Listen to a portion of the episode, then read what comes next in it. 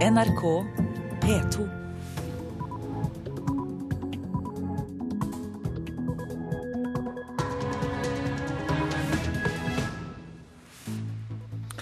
Dette er P2s Nyhetsmorgen mandag 28. oktober, og dette er hovedsakene nå klokka 6.30. Sammenligning av skoleresultater, det er meningsløst, sier kunnskapsminister Torbjørn Røe Isaksen. Det vi ikke ønsker, det er jo at eh, Presse-Norge skal lage sånne rangeringslister over skoler i Norge. De gir ingen verdifull informasjon. Norske nazister flyktet til Argentina. Nå er det viktig med åpenhet, sier et av barnebarna. Det er vondt, men det er enkelte ting som man må snakke om. og Det er jo dessverre en del av historien til veldig mange. Forfatteren av boka om naziflyktningene kommer i studio. Regjeringen åpner for jernbanesamarbeid med svenskene, og Strømsgodset fester et mer solid grep om gullet i Eliteserien. Her i studio, Øystein Heggen. Kunnskapsministeren kaller sammenligning av skoleresultater for meningsløst. Regjeringserklæringen sier at det skal være full åpenhet om hvordan den enkelte skole gjør det. Likevel sier kunnskapsminister Torbjørn Røe Isaksen fra Høyre at han slett ikke vil at folk flest skal kunne sammenligne hvordan ulike skoler scorer. Det å lage en liste over sånn de 100 beste skolene i Norge og sånn, det er basert på hvordan disse undersøkelsene er, så er det for alle praktiske formål meningsløst. Han sier han vil det skal være åpent. Det sier regjeringserklæringa også. Der står det full åpenhet om skoleresultat. Men han ser noen dilemmaer ved det målet. Når det gjelder åpenhet, så må vi, må vi tenke litt på det. For det vi ikke ønsker, det er jo at uh, Presse-Norge skal lage sånne rangeringslister over skoler i Norge. Det gir ingen verdifull informasjon å sitte og lage en liste hvor du sammenligner en skole i Telemark, en skole i Oslo og en skole i Finnmark. Men det er ikke bare media som har laga skolesammenlikninger. Lokallag i kunnskapsministerens eget parti Høyre står bak lokale skoleportaler som f.eks. Romeriksskolen.no og Trondheimsskolen.no. Der er det mulig for hvem som helst å sjekke hvordan skolene skårer på t.d. nasjonale prøver, kartleggingsprøver, karakterer og elevundersøkelser. I valgkampen fortalte NRK Brennpunkt om et slikt prosjekt, og om motstanden mot offentliggjøring, bl.a. fra lærerne. Jeg ser ikke hensikten med offentliggjøring av alle resultat. Og jeg føler at det er litt mistillit til oss som jobber med eleven. Kunnskapsministeren ser i dag ikke for seg at det skal være nasjonale nettportaler av denne typen. Du ser ikke for deg en, en nasjonal nettportal for eksempel, da, der en kan kontrollere resultatene? Ja, altså, ikke, ja, altså, I dag har vi jo en nettportal, Skoleporten. Den skal vi ha fortsatt. Det er en fornuftig nettportal. Der kan du lese på kommuneresultat. Så systemet i dag er at for å få resultatet på skolenivå, så må du spørre om det det skal vi se på, vi skal vurdere det. Men, men som sagt, altså, eh, det viktige er at det er offentlig. Men det er ikke noe mål for meg eller for regjeringa at vi skal gi stoff til meningsløse rangeringslister i riksaviser. I dag kommer også et forslag om forbud mot en av de mest omstridte delene av regjeringens nye skolepolitikk, forsøk med karakterer på barneskolen. For der de rød-grønne sa konsekvent nei, sier den nye kunnskapsministeren jeg er positiv til forsøk generelt. Torgeir Knag Fylkesnes er SVs skoletalsmann, og tror Høyre-ordførere vil stå i kø for å forsøke. Jeg frykter da at uh, over halvparten av norske skolene uh, på barnetrinnet kommer til å få snikinnført karakterer, ved at de istedenfor innfører forsøk med karakterer. SV håper Venstre og KrF vil sikre flertall mot regjeringen. Men kunnskapsminister Røe Isaksen ser ikke for seg noe frislipp. Det kommer an på om det er et reelt forsøk og et godt opplegg for hvordan man skal forske på det, hvordan man skal bruke resultatene etterpå. altså Hente inn kunnskap om hva som skjer. Så jeg vil ikke avvise det, men jeg kan heller ikke love støtte til en søknad. Hvorfor ikke prøve å få fasit på hvordan dette virker? Ja, det kan du si, men eh, til hvilken pris? Vi vet jo fra utlandet eh, at dette har negative eh, resultater. Vi vet fra forskning at dette har negative resultater. Og Det er også litt av grunnen til at vi har slutta med det i Norge. Dette er jo en gjeninnføring av en ordning vi hadde på, på tidlig 80-tallet. Men rent logisk så burde dere kanskje vært mot karakterer på alle trinn, da? Eh, det er spesielt skadelig for de laveste trinnene å ha karakterer. Vi ser når, når, når elevene kommer høyere opp eh, i nivåene, så, så, er det, så, er det, ikke så skadelig. Dessuten er det viktig for å slett avgjøre om folk skal komme inn på videregående og videre opp til høyere utdanning. Så karakterer i en viss forstand er, er akseptabelt også for SV. Reportere her Håvard Grønli og Bjørn Myklebust. Kunnskapsministeren møter SV-lederen og Utdanningsforbundet til debatt om norsk skole i Politisk kvarter, og det er da kvart på åtte her i dette programmet. Den amerikanske etterretningsorganisasjonen NSA avlyttet 60 millioner telefonsamtaler i Spania bare i løpet av en måned, ifølge en spansk avis. Telefonsamtalene skal ha blitt innhentet av NSA i desember i fjor, ifølge opplysninger som stammer fra varsleren Edward Snowden. Overvåkningen omtales i en sak som blir trykket i avisen El Mundo i dag, melder den amerikanske TV-stasjonen NBC. Halvparten av de spurte i en meningsmåling her hjemme er helt uenig i at fastleger skal ha reservasjonsrett mot aborthenvisning. I målingen utført for Dagbladet sier 59% at de ikke støtter regjeringens forslag. 49% sier at de er helt uenig i forslaget, og bare 16% svarer at de er helt enig. Helseminister eh, Bent Høie sier til avisa at eh, han var tidligere imot, men tror folket vil snu i denne saken. Høyre- og Frp-regjeringen vil starte planleggingen av en bedre jernbaneforbindelse mot Europa. I dag er det bare vedtak om dobbeltspor til Halden. Samferdselsminister Ketil Solvik-Olsen sier han er klar for å diskutere jernbane med sin svenske kollega. Det er naturlig at vi om litt tar kontakt med svenske myndigheter for å se hvordan vi i samarbeid kan utvikle jernbanekoblingen mellom våre to land. I dag er det ingen norsk-svenske planer for et dobbeltspor videre fra Halden mot Gøteborg. En modernisering av denne jernbanestrekningen vil forkorte reisetiden mot Europa og øke godskapasiteten. Både Oslo og Gøteborg kommuner har vært klare på at dette må i gang, sier byrådsleder i Oslo, Stian Berger Røsland. Det som er hovedutfordringen med infrastruktur i Norge, er jo at vi tenker for smått, vi tenker for spesifikt. Vi klarer ikke se at eh, vi kan gjøre noen store grep, at vi kan se utover landegrensene våre.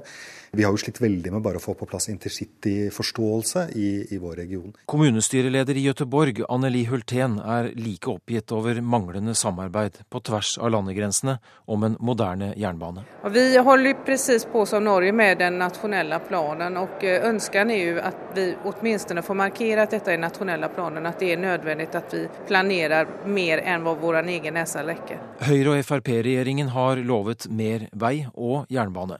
Samferdselsminister Solvik-Olsen fra Frp er klar for å starte dialogen med svenskene. Det er naturlig at dialogen eh, kommer i gang relativt raskt. Og reporter var Lars Håkon Pedersen. Så er det avisenes tur. 14 ranere fra Oslo er avbildet på Aftenpostens forside. De er til sammen dømt 57 ganger. Ran gir status blant kriminelle, men er samtidig et signal om at man er inne i en veldig alvorlig utvikling, sier gjengforsker Ragnhild Bjørnebekk til avisa. Naivt å tro at norske politikere ikke er overvåket, sier Jonas Gahr Støre til Dagsavisen. Den tidligere utenriksministeren har liten tro på at de siste dagers avsløringer vil føre til en stopp i overvåkningen, men at det er uakseptabelt at allierte overvåker hverandre. Evaldas Mikunas er en tilfreds litauer på Adresseavisens forside. Han bor på Frøya, der 17% av befolkningen er innvandrere. Laksenæringen hadde ikke vært mulig uten arbeidsinnvandring, sier tidligere ordfører i trønderkommunen, Jan Otto Fredagsvik. Flere av fiskehandlerne i den nye mathallen i Bergen frykter nedleggelse. Alle gikk med underskudd i fjor, og de frykter økt leie fra årsskiftet, skriver Bergens Tidende. Folk forbruker mer enn de har. Det er oppslaget i Dagens Næringsliv. Det er ny rekord i inkassosaker. Samfunnet er blitt mye hardere og tøffere, sier Jon H. Nordbrekken, som driver inkassobyrået B2 Holding. Turistforeningens hytte på Dovre kan bli stengt fordi fotturistene forstyrrer villreinen, skriver Nasjonen. Dovrehytta ble gjenåpnet i fjor etter å ha vært stengt helt siden 1958 pga. Forsvarets skytefelt. Alkosalg gir bedre flyplasser, skriver Vårt Land. Avinors taxfree-salg brukes til å ruste opp flyplasser. Men samarbeidsorganet for frivillige organisasjoner på rusfeltet, Aktis, mener Vinmonopolet bør overta alkosalget. Varsler mer EU-tilpasning, skriver Klassekampen om europaminister Vidar Helgesen. Bare 19,1% av folket ønsker EU-medlemskap, men likevel varsles mer EU-tilpasning, skriver avisa. Ingen vil ha Kristine, skriver Stavanger Aftenblad til et bilde av byens ordfører Kristine Sagen Helgø. 11 av 26 kommuner i Rogaland sier nemlig ja til å slå seg sammen med en eller flere av nabokommunene, men ingen av dem vil slå seg sammen med Stavanger. Selge eller vente. VG gir boligråd i dag. Dette må du sjekke. Dagbladet gir helseråd i dag.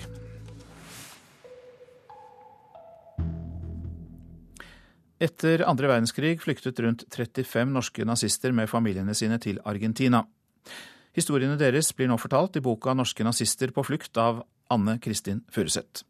Edvard Vinningland Eliassen, som er barnebarnet til en av nazistene, sier det er viktig med åpenhet om det som skjedde. Det er vondt, men det er enkelte ting som man må snakke om og holde det skjult.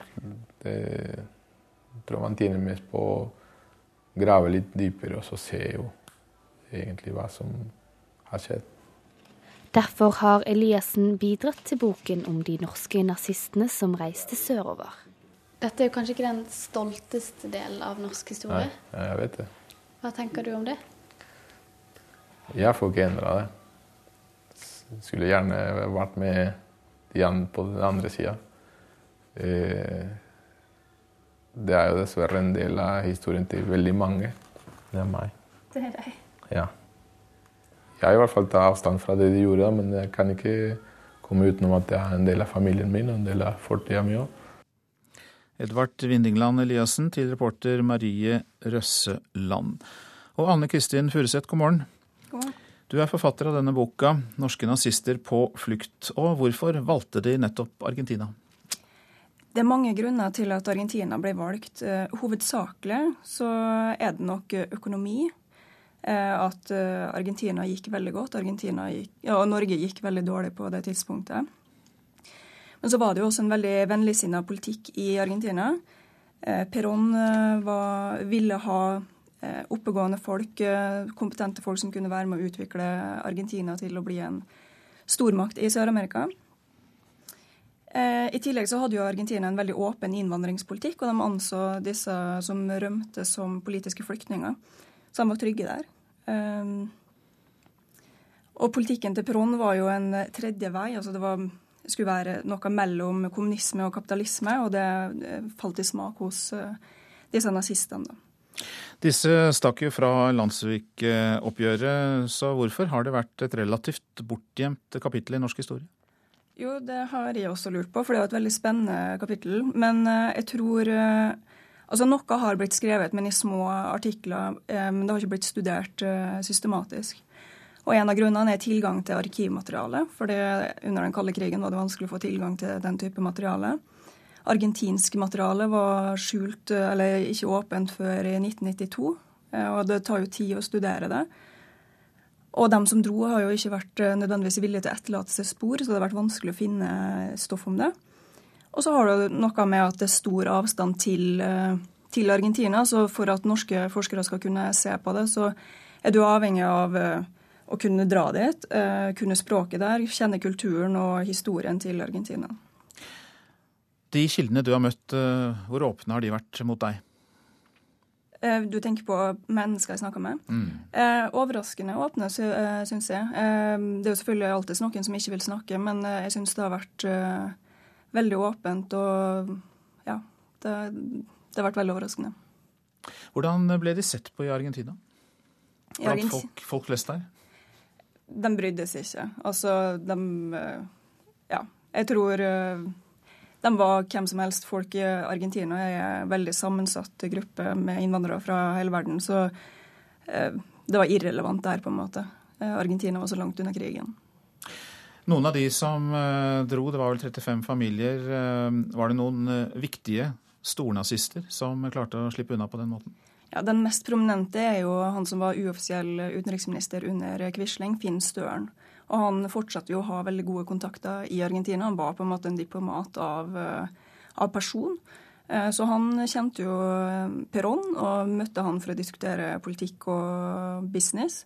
Men han hadde jo også kontakt med krigsforbryteren Ante Pavlic fra Kroatia, som var lederen av Ostasjebevegelsen der. Nå hørte vi at det barnebarnet som snakket i det innslaget, overhodet ikke ville identifisere seg med politikken til, til sine slektninger som flyktet. Men har du møtt folk du har intervjuet som likevel har identifisert seg med de nazistiske holdningene? Jeg vet ikke om det er riktig å si nazistiske holdninger. Mange tar jo avstand fra det, absolutt. Men man er jo vokst opp Det spørs jo om man har kommet tilbake igjen til Norge også, men man er jo vokst opp uten et sosialt trykk som kanskje man hadde i Norge etter krigen. Så Men generelt så er det, tar man avstand fra det. Absolutt. Takk for at du kom. Du har altså skrevet boka 'Norske nazister på flukt', Anne Kristin Furuseth. Ja, dette er P2s Nyhetsmorgen. Der er klokka 6.45, og vi har disse hovedsakene. Kunnskapsministeren kaller sammenligningen av skoleresultater for meningsløs, selv om regjeringserklæringen sier det skal være full åpenhet om hvordan hver enkelt skole gjør det. Amerikansk etterretning skal ha avlyttet 60 millioner telefonsamtaler i Spania bare i løpet av en måned, ifølge en spansk avis. Og rockelegenden Lou Reed er død. Han skal vi snakke mer om snart. Men først om gullstriden i Eliteserien. For i går festet Strømsgodset et solidere, mer solid grep om gullet etter at de igjen tok over ledelsen i Eliteserien. Og nå tør trener Ronny Deila håpe på en lykkelig slutt. Altså, Eventyr ender jo stort sett godt, da. Så vi får vente og nå, nå, nå, nå, ser det jo veldig godt ut. Ja, men det er ikke fullført. Han er tilhenger av et godt eventyr, Strømsgodsets trener Ronny Deila, som helst vil ha en lykkelig slutt. Men fortsatt er ingenting avgjort i gullstriden. Så har ikke vunnet Vunnet prinsessa og halve kongeriket enda. Men det kan fort skje, for drammenserne festa i går virkelig grepet om gullet med seier over start. Bra prestasjoner. Kanskje allerede ta hjem gull neste uke. For med de tre poengene Peter Kovacs sikra i går, og med RBKs nederlag i Molde lørdag, trenger Trulig Strømsgodset kun én seier på de to siste kampene for å sikre klubbens første seriegull siden 1970. Vi har noe å vinne. Vi har ingenting å tape her. Vi, vi er en liten klubb som er, eh, har en fantastisk mulighet nå å kunne vinne et seriegull. Og nå må Godset bare unngå å feile på målstreken, skal gullet komme tilbake til Drammen for første gang på 43 år. Må vi, da må vi bare gå ut og gi det vi har, og stå på den identiteten som vi har hatt hele veien. Så vi ser hvor det fører oss hen. Så langt så ser det veldig bra ut. Og så må vi da fullføre eventyret til Kovacs, og det kan jeg gjerne gjøre sjøl. Det har vært fantastisk. Sølv, kanskje gull, så det er bare, bare en eventyr, og, og vi skal fortsette neste år også. Så får vi se hvordan det ender. Reporter Kristine Norvik Skeide. Men ganske annerledes er det for sportsklubben Brann. Med drøyt 9000 solgte billetter var eh, salget til gårsdagens 0-0-kamp mot Hønefoss det dårligste siden sommeren 2002. Mange av de som møtte opp, markerte misnøye med klubbens resultater og beslutninger. Jeg syns det er skikkelig ræva. Ja, jeg er ærlig. Forferdelig å se på. Det var helt jævlig. Jeg har eh, lenge gitt Skarsvåg støtte, men eh, det blir bare stusslig. Rop om at treneren må gå. Rasende tilrop mot spillerne og pipekonsert. Likevel er sportsklubben Brann sin største hovedpine alle de som holdt seg hjemme i går. De ti siste åra har Brann aldri solgt færre billetter til en seriekamp enn til 0-0-kampen mot Hønefoss i går. Mange av de som hadde kjøpt billett, var alle andre plasser enn på Brann stadion. Det er jo ikke rart at folk ikke kommer når det er sånn spill de viser. Fredrik Haugen og Erik Huseklepp sier de forstår at bergenserne holdt seg hjemme etter seks kamper uten tre poeng. Vi presterer sånn som dette. Jeg skjønner jeg at folk ikke har lyst til å gå på brannkamp. Det skal ikke være sånn som dette på brannkamper. Etter det vi har prestert i det siste, så eh, fortjener ikke vi bedre. Det har vært ropt om at treneren må gå fra tribunen. Hva syns du om det? Vi respekterer den treneren vi har. Rune Skarsjord fikk som hatten passer fra tribunen i går. Den omstridte branntreneren innser at klubben ikke er på godfot med bergenserne om dagen enormt mye negative skriverier i avisen. Noe er saklig, noe er usaklig. Stemninga på tribunen veldig dårlig. Men forstår du at det er mishagsytringer både mot deg og mot klubben? Det forstår jeg veldig godt. Når vi skuffer publikum og supporterne som har ekstreme forventninger til oss så mye, så, så er det helt naturlig. Og det var eh, Sølve Rydland som loddet stemningen på Brann stadion. Langt flere enn antatt kan ha krav på erstatning som følge av yrkesskade. Det slår Høyesterett fast i en ny dom. Toril Hafner har kjempet en årelang kamp for erstatning etter å ha utviklet eksem i jobben som hjelpepleier. Hun har fått flere avslag, men Høyesterett mener både Hafner og andre i samme situasjon har krav på erstatning. Jeg håper jo at andre òg kan se at det nytter å kjempe. Toril Hafner er 53 år og har slitt med eksem gjennom et helt yrkesliv. Ved hjelp av preparater klarte hun å holde eksemen i sjakk. Da hun ved årtusenskiftet begynte i ny jobb på sykehjem, ble sykdommen verre. I 2003 ble Hafner erklært 100% ufør. Tre år senere søkte hun erstatning fra Yrkesskadeforsikringsforeningen, men fikk avslag. Hun tapte også erstatningssøksmål i Jæren tingrett. Begrunnelsen som også andre yrkesskader har fått, var at plagen hennes var konstatert før yrkesforsikringsloven trådte i kraft i 1990. Høyesterett har tolket loven på en annen måte. Det nye med denne avgjørelsen er jo at hvis eh, årsaken til uførhet er at du har blitt eksponert etter at loven trådte i kraft, så har du et krav som er intakt. Det sier Toril Hafners advokat Carl Gunnar Sandvold. Dommen kan få konsekvenser for mange som for lengst har gitt opp kampen. Det ble jo opplyst av motparten i Høyesterett eh, at det var i alle fall eh, veldig mange som har fått avslag nå med den begrunnelsen som eh, var praktisert. Jørgen Brennryen representerer Yrkesskadeforsikringsforeningen. Han tror ikke dommen i Høyesterett nødvendigvis vil føre til et ras av erstatningskrav. De aller fleste saker vi har hvor en person har en sykdom på 80-tallet, som følge av arbeidet sitt, så har de jo slutta i arbeidet. ikke sant? Som når de da vet at det er jobben som har gitt de plagene. Reporter her, det var Ståle Frafjord. Just a perfect day. Problems all left alone. Weekenders on our own. It's such fun.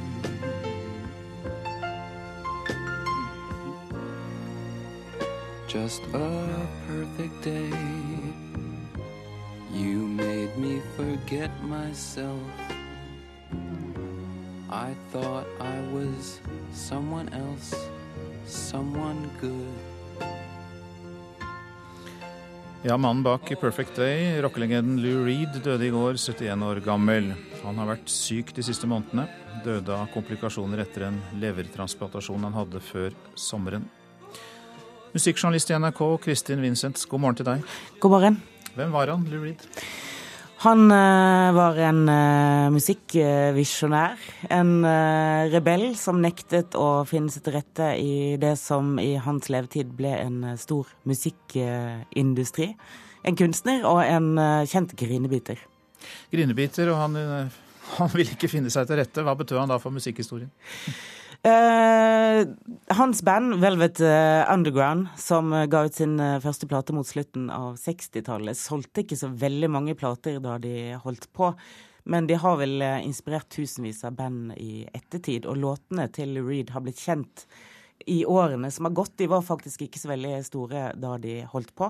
Og så hadde de jo Andy Warhol som manager, så de opererte i skjæringspunktet kunst og musikk, og hadde ganske revolusjonerende tekster om eh, homofili i en tid det var forbudt der, og en diagnose her, f.eks.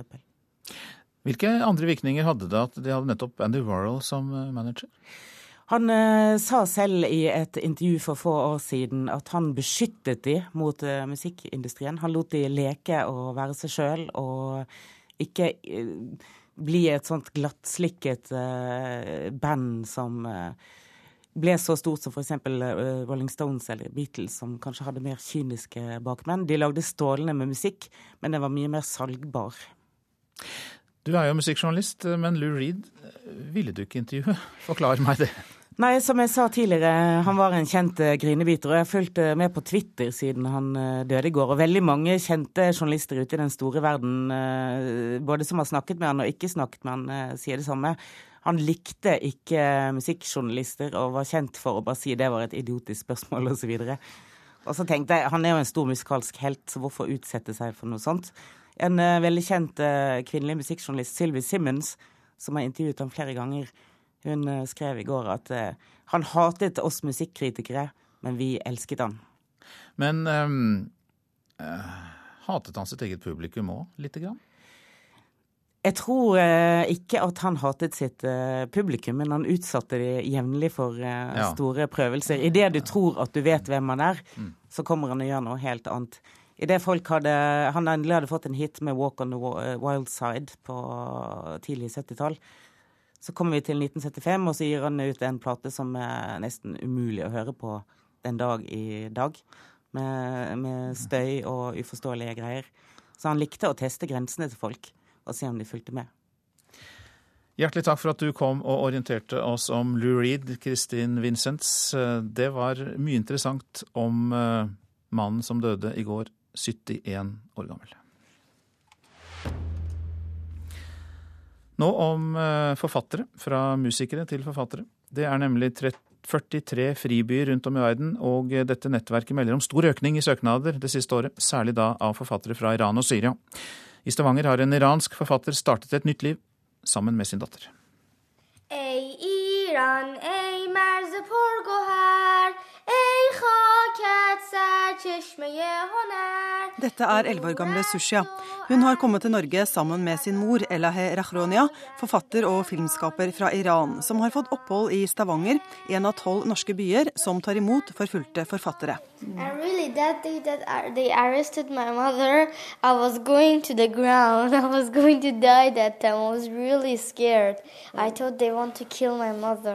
Sushia ble livredd og trodde moren ville bli drept da politiet arresterte henne på flyplassen i Teheran. So she was very scared, and I just told her, just. Elahe ba datteren om å le, så politiet ikke skulle tro at de var redde. 36-åringen var i det iranske regimets søkelys pga. sine tekster og filmer. Etter trusler, avlytting og beslag flyktet hun til Malaysia, og arresten skjedde da de kom tilbake til Teheran. They didn't bring me to prison just one day. Just every morning I went to interrogation, and then in the evening, after seven hours, aunt's Elahe slapp fengsel, men satt i sju timer lange avhør hver dag i en måned. Hun var innesperret i tantens hus og kunne ikke snakke med noen. Hard, you know. Nå må hun fortsette arbeidet og livet i eksil, og hun er ikke alene. Fribynettverket Icorn, som nå består av 43 byer verden over, har hittil i år fått over 50 søknader, mot 40 i hele fjor, sier leder for nettverket Helge Lunde. Jeg tror det skyldes først og fremst at det er fryktelige forhold mange steder i verden. Eh, samtidig så blir Icon bedre kjent. Vi har klart å plassere mellom 15, 16, 17 per år. Men så håper vi at når vi kommer inn i, i neste år og årene som kommer, at vi klarer enda flere, opp 25-30. En enkel PC, internett, en blogg, så kan de bety veldig mye for situasjonen, om det er i Irak, i Egypt, i Iran. I, I cannot come back. I, know that if I come back immediately, they got me. Elahe Rahronia mener hun risikerer livet om hun reiser tilbake til Iran. Fordelen i Norge er at forfatterne også får permanent opphold. Herfra vil hun fortsette å jobbe mot religiøs og politisk indoktrinering i Iran. First, I should stable myself. And then I continue to do more things for my country because no, I think it's the uh, situation that people are going to be informed. Ja, Elay Rahania sier hun først eh, da vil få orden på sitt nye liv i Norge, og så vil hun fortsette å arbeide for å opplyse befolkningen i Iran. Reporter var Anette Johansen Espeland. Så tar jeg for meg værvarselet fram til midnatt. Fjellet i Sør-Norge. Enkelte regnbyger, snøbyger over 1200 meter. I nordøstlige områder stort sett opphold. Østlandet og Telemark liten kuling på kysten. Spredte regnbyger. Fra i ettermiddag perioder med liten kuling på kysten. Det blir regn lengst sør, ellers stort sett opphold. Så går vi til Agder. Liten kuling på kysten. Regnbyger vesentlig vest. Fra i ettermiddag regn. I kveld blir det oppholdsvær i øst. Fortsatt regnbyger vest i Agder. Vestlandet sør for Stad, der blir det regnbyger. Møre og Romsdal får litt regn, mest regn på Sunnmøre. Trøndelag spredt regn i nord først på dagen, ellers stort sett opphold. Det kan bli lokal tåke i Trøndelag. Helgeland og Saltfjellet og Salten. Regn, snø over 400 meter. Lofoten og Vesterålen stort sett opphold, i kveld litt regn. Så går vi til Ofoten og Troms. Oppholdsvær i ytre strøk først på dagen. Ellers litt regn og sludd, til dels nedbør som fryser på bakken i indre strøk. Så går vi til Finnmark. Liten kuling utsatte steder. I kveld østlig oppe i stiv kuling på kysten i øst. Det kommer snø som seinere går over i regn. Mulighet for nedbør som fryser på bakken i indre strøk av Finnmark. Nordensjøland på Spitsbergen stort sett opphold. Temperaturer klokka fire. Svalbard lufthavn minus fire. Kirkenes minus én. Varde pluss tre. Alta minus én. Tromsø-Langnes minus to. Bodø pluss fem. Brønnøysund og Trondheim pluss sju. Molde seks grader. Bergen-Flesland elleve. Stavanger ti. Kristiansand-Kjevik elleve. Gardermoen sju. Lillehammer seks. Røros tre grader. Og Oslo-Blindern hadde åtte grader. Og det var altså klokka fire i natt.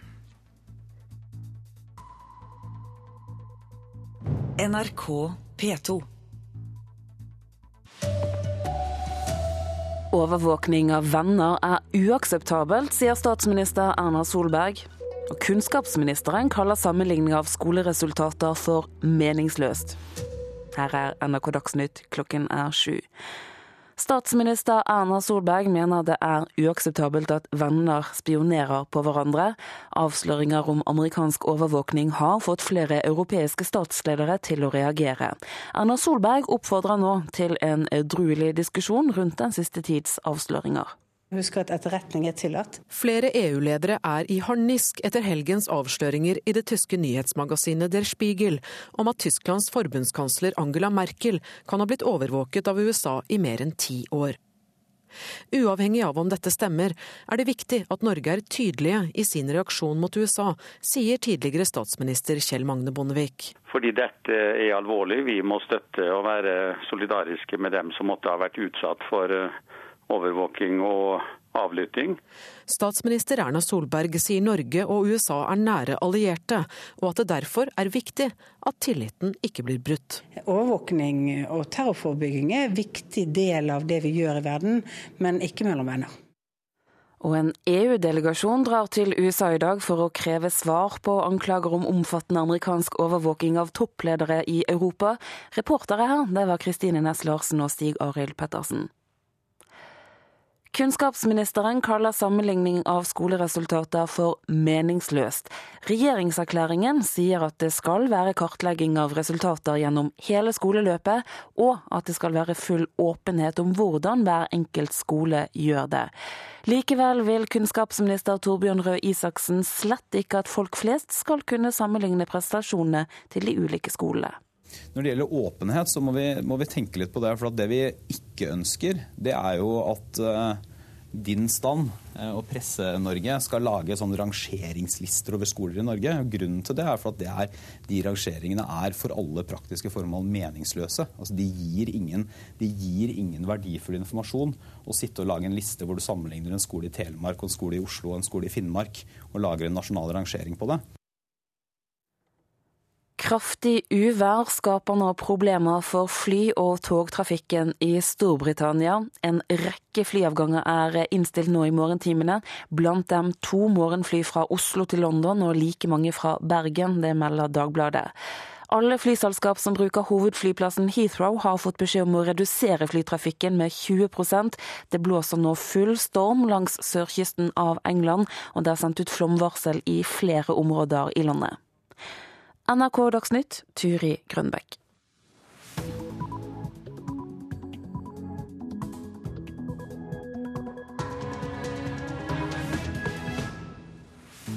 Nyhetsmorgen fortsetter i P2 og Alltid nyheter med mer om at Erna Solberg mener det er uakseptabelt at venner spionerer på hverandre. Tilpasset rullestol, det er kravet til alle nybygde leiligheter, men staten har gitt seg selv unntak fra regelen. Det blir også debatt mellom Handikapforbundet og byggenæringen her i Nyhetsmorgen om denne saken. En EU-delegasjon drar til USA i dag for å kreve svar på anklager om omfattende amerikansk overvåkning av toppledere i Europa. Her hjemme sier altså statsminister Erna Solberg at det er uakseptabelt at venner spionerer på hverandre. Samtidig oppfordrer Solberg til en edruelig diskusjon rundt den siste tids avsløringer. Husk at etterretning er tillatt. Det er nemlig nødvendig å, å forhindre at vi har uh, fått terrorangrep eh, mot oss. Men det skal skje innenfor juridiske rammer, innenfor personvernrettslige spørsmål. Og det er det som er viktig å ha høyt med hver gang man uh, samler inn ulike typer data. Flere EU-ledere er i harnisk etter helgens avsløringer i det tyske nyhetsmagasinet Der Spiegel om at Tysklands forbundskansler Angela Merkel kan ha blitt overvåket av USA i mer enn ti år. Tidligere i uka meldte den britiske avisen The Guardian at amerikansk etterretning kan ha avlyttet så mange som 35 statsledere. Samtidig skrev Dagbladet i helgen at journalisten som står bak overvåkingsavsløringene basert på dokumenter fra Edward Snowden, sier at han har dokumenter som viser at også Norge ble overvåket av USA. Foreløpig er det ikke kjent om dokumentene gjelder både personer og norske selskaper. Uavhengig av om dette stemmer, er det viktig at Norge er tydelige i sin reaksjon mot USA, sier tidligere statsminister Kjell Magne Bondevik. Jeg mener at Norge, uavhengig av om norske politiske ledere skulle være avlytta eller ikke, bør protestere kraftig på det som nå uh, avdekkes. Fordi dette er alvorlig. Vi må støtte og være solidariske med dem som måtte ha vært utsatt for uh, overvåking og avlytting.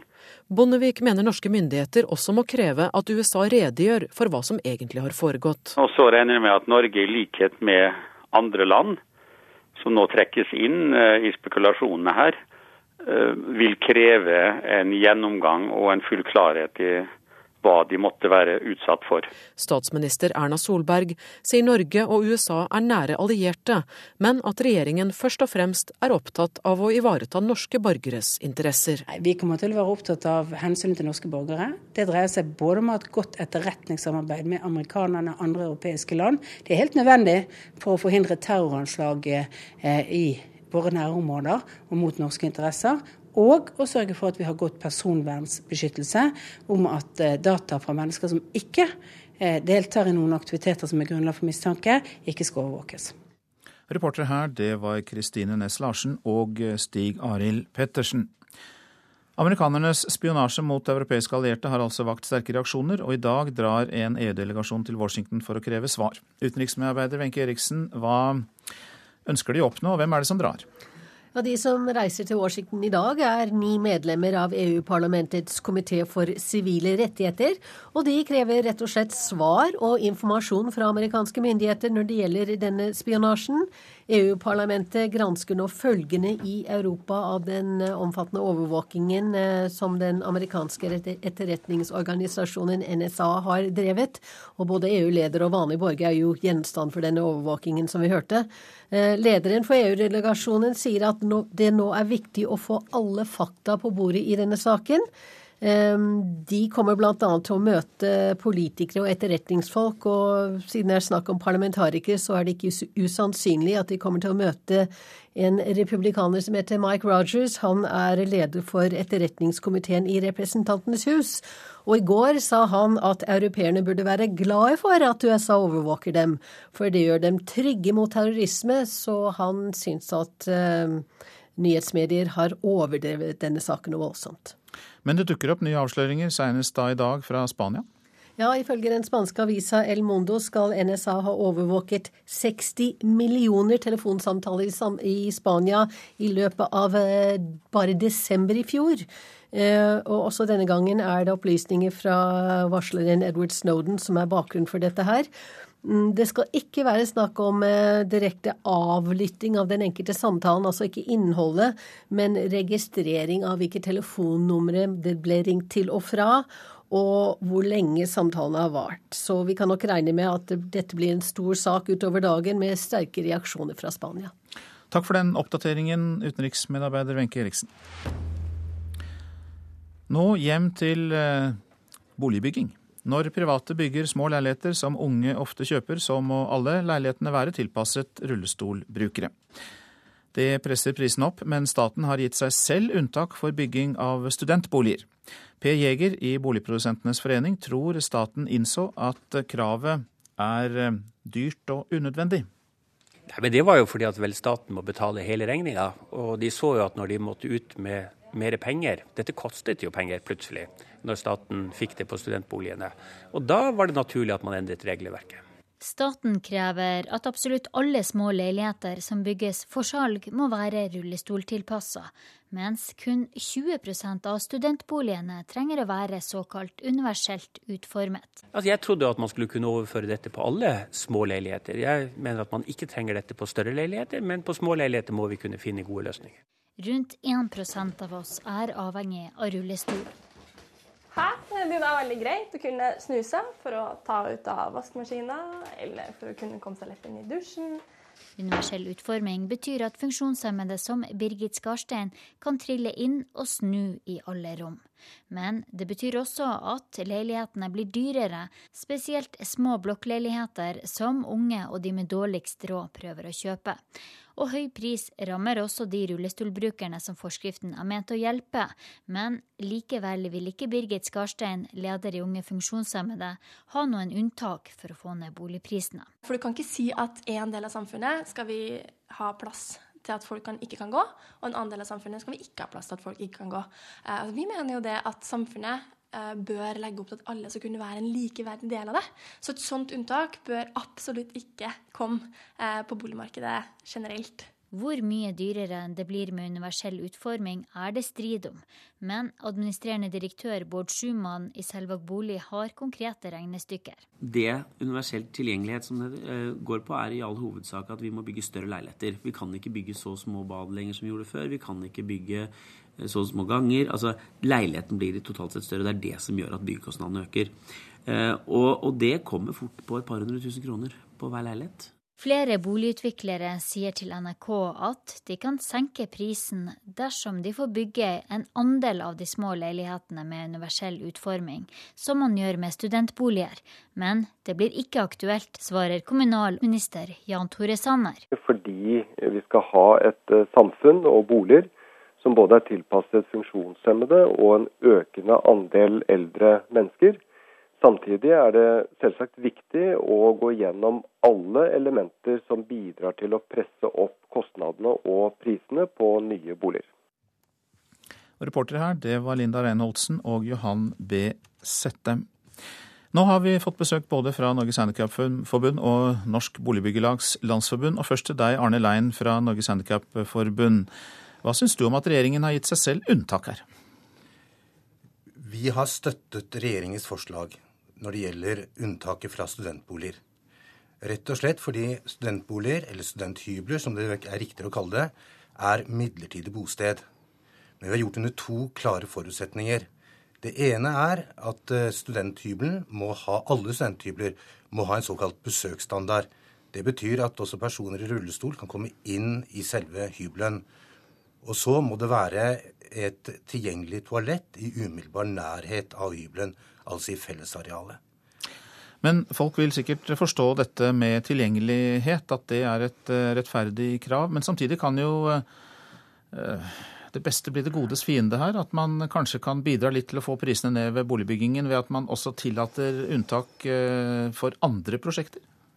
Jeg tror det er veldig viktig å skille mellom boligpris og byggkostnad. Og de undersøkelsene som er gjort, viser at byggkostnadene har ikke økt mer enn prisindeksen.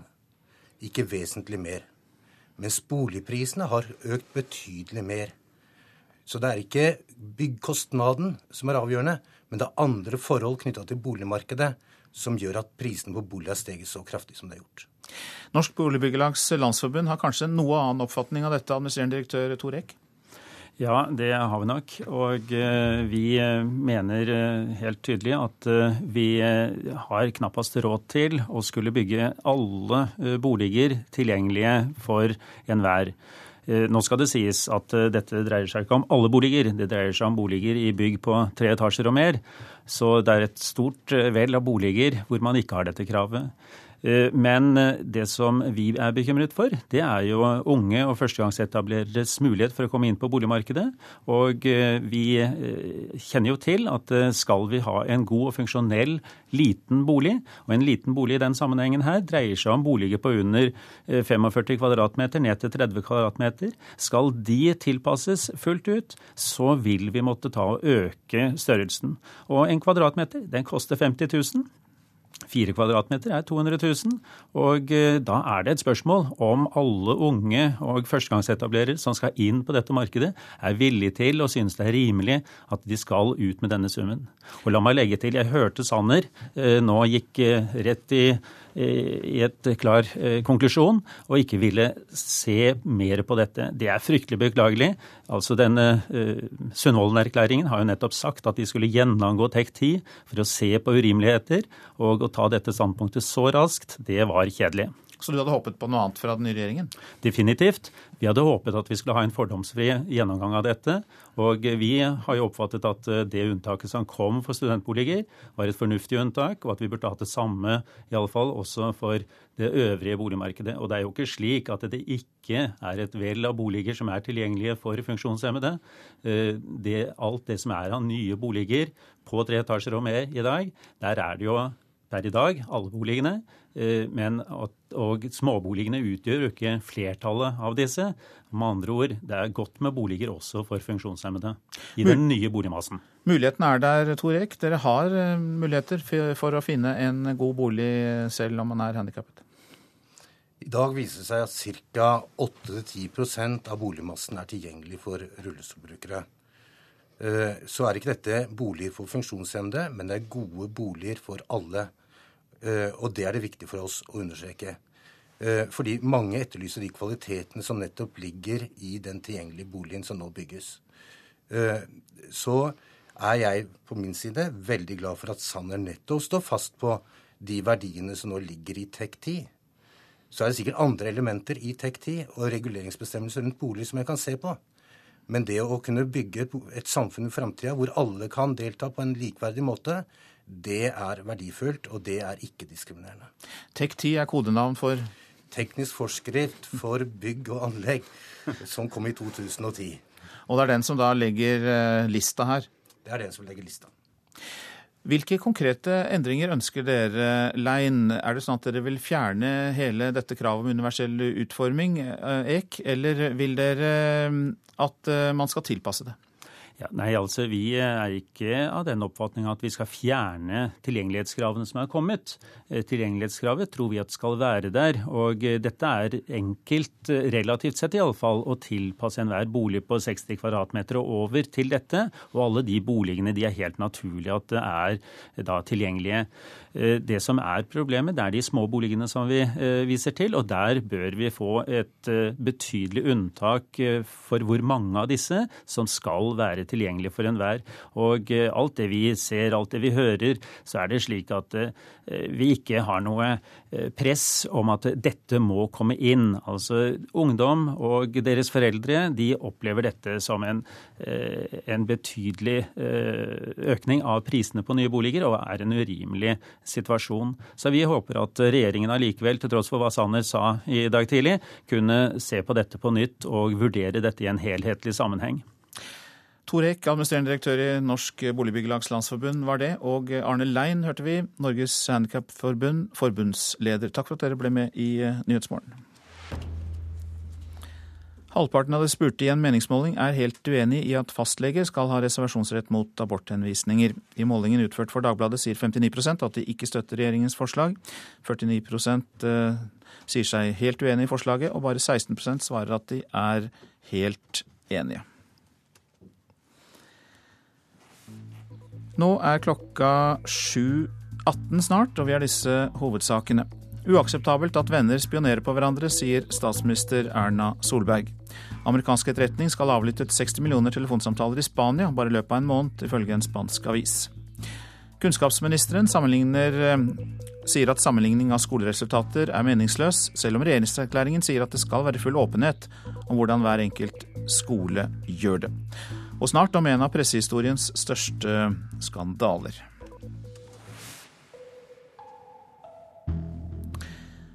For eh, vi skal nemlig til eh, Storbritannia. Tabloidavisen News of the World ble for over to år siden lagt ned etter at det ble avslørt at den drev ulovlig avlytting av telefonene til folk de laget store oppslag om. Og i dag må flere av de tidligere ansatte møte i retten. Sorry I am, and how sorry we are uh. Mannen som sier unnskyld igjen og igjen, er James Murdoch, sønnen til en av verdens mektigste menn, mediemogulen Rupert Murdoch, eieren av bl.a. News of the World. Året er 2011. News of the World er lagt ned etter 168 års virksomhet, og han unnskylder seg til ofre for utstrakt telefonavlytting fra ansatte i konsernet hans far bygget opp til å bli et av verdens mektigste. Ofre fra nærmest alle samfunnslag. Påtalemakten tror det kan være snakk om så mange som 600 stykker.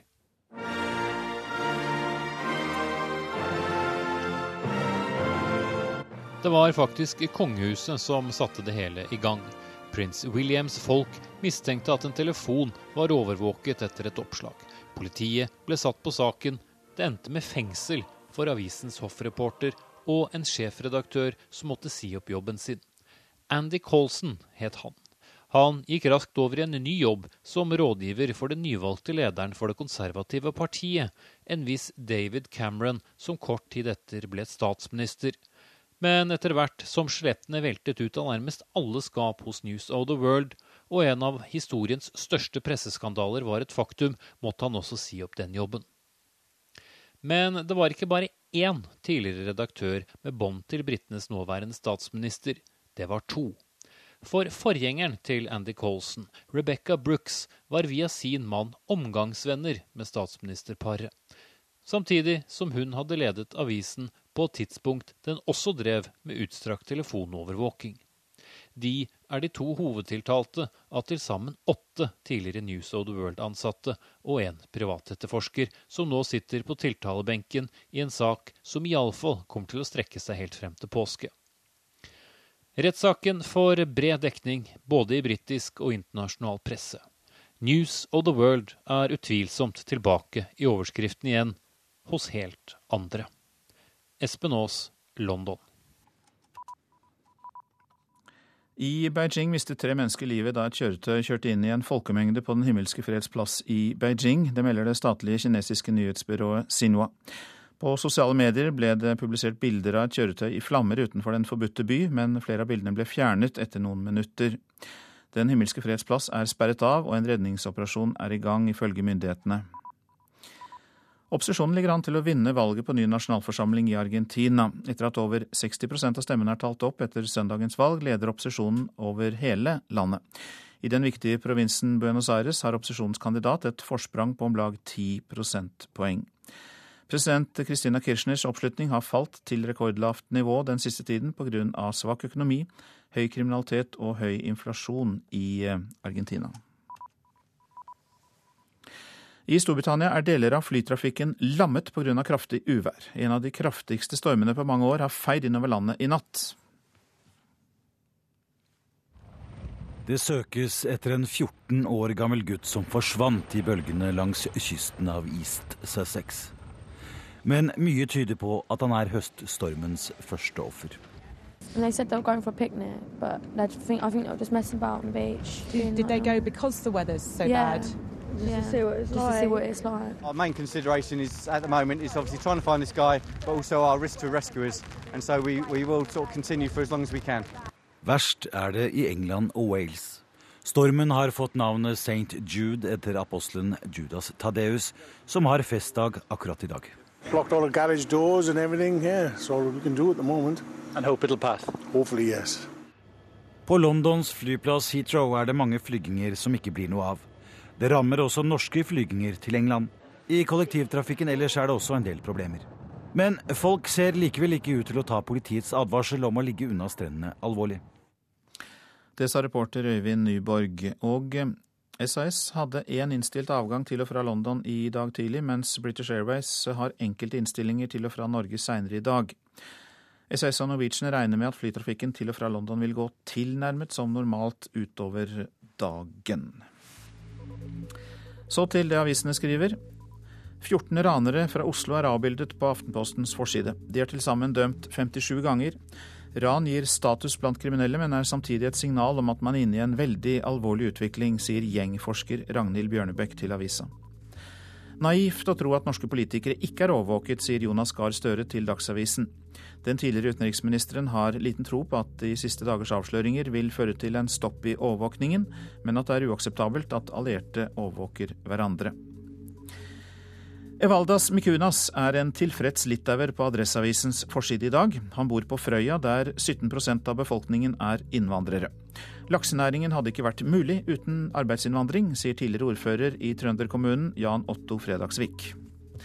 Flere av fiskehandlerne i den nye mathallen i Bergen frykter nedleggelse. Alle gikk med underskudd i fjor, og de frykter økt leie fra årsskiftet, skriver Bergens Tidende. Folk forbruker mer enn de har. Det er oppslaget i Dagens Næringsliv. Det er ny rekord i inkassosaker. Samfunnet er blitt mye hardere og tøffere, sier Jon H. Nordbrekken, som driver inkassobyrået B2 Holding. Turistforeningens hytte på Dovre kan bli stengt fordi fotturistene forstyrrer villreinen, kan vi lese i Nasjonen.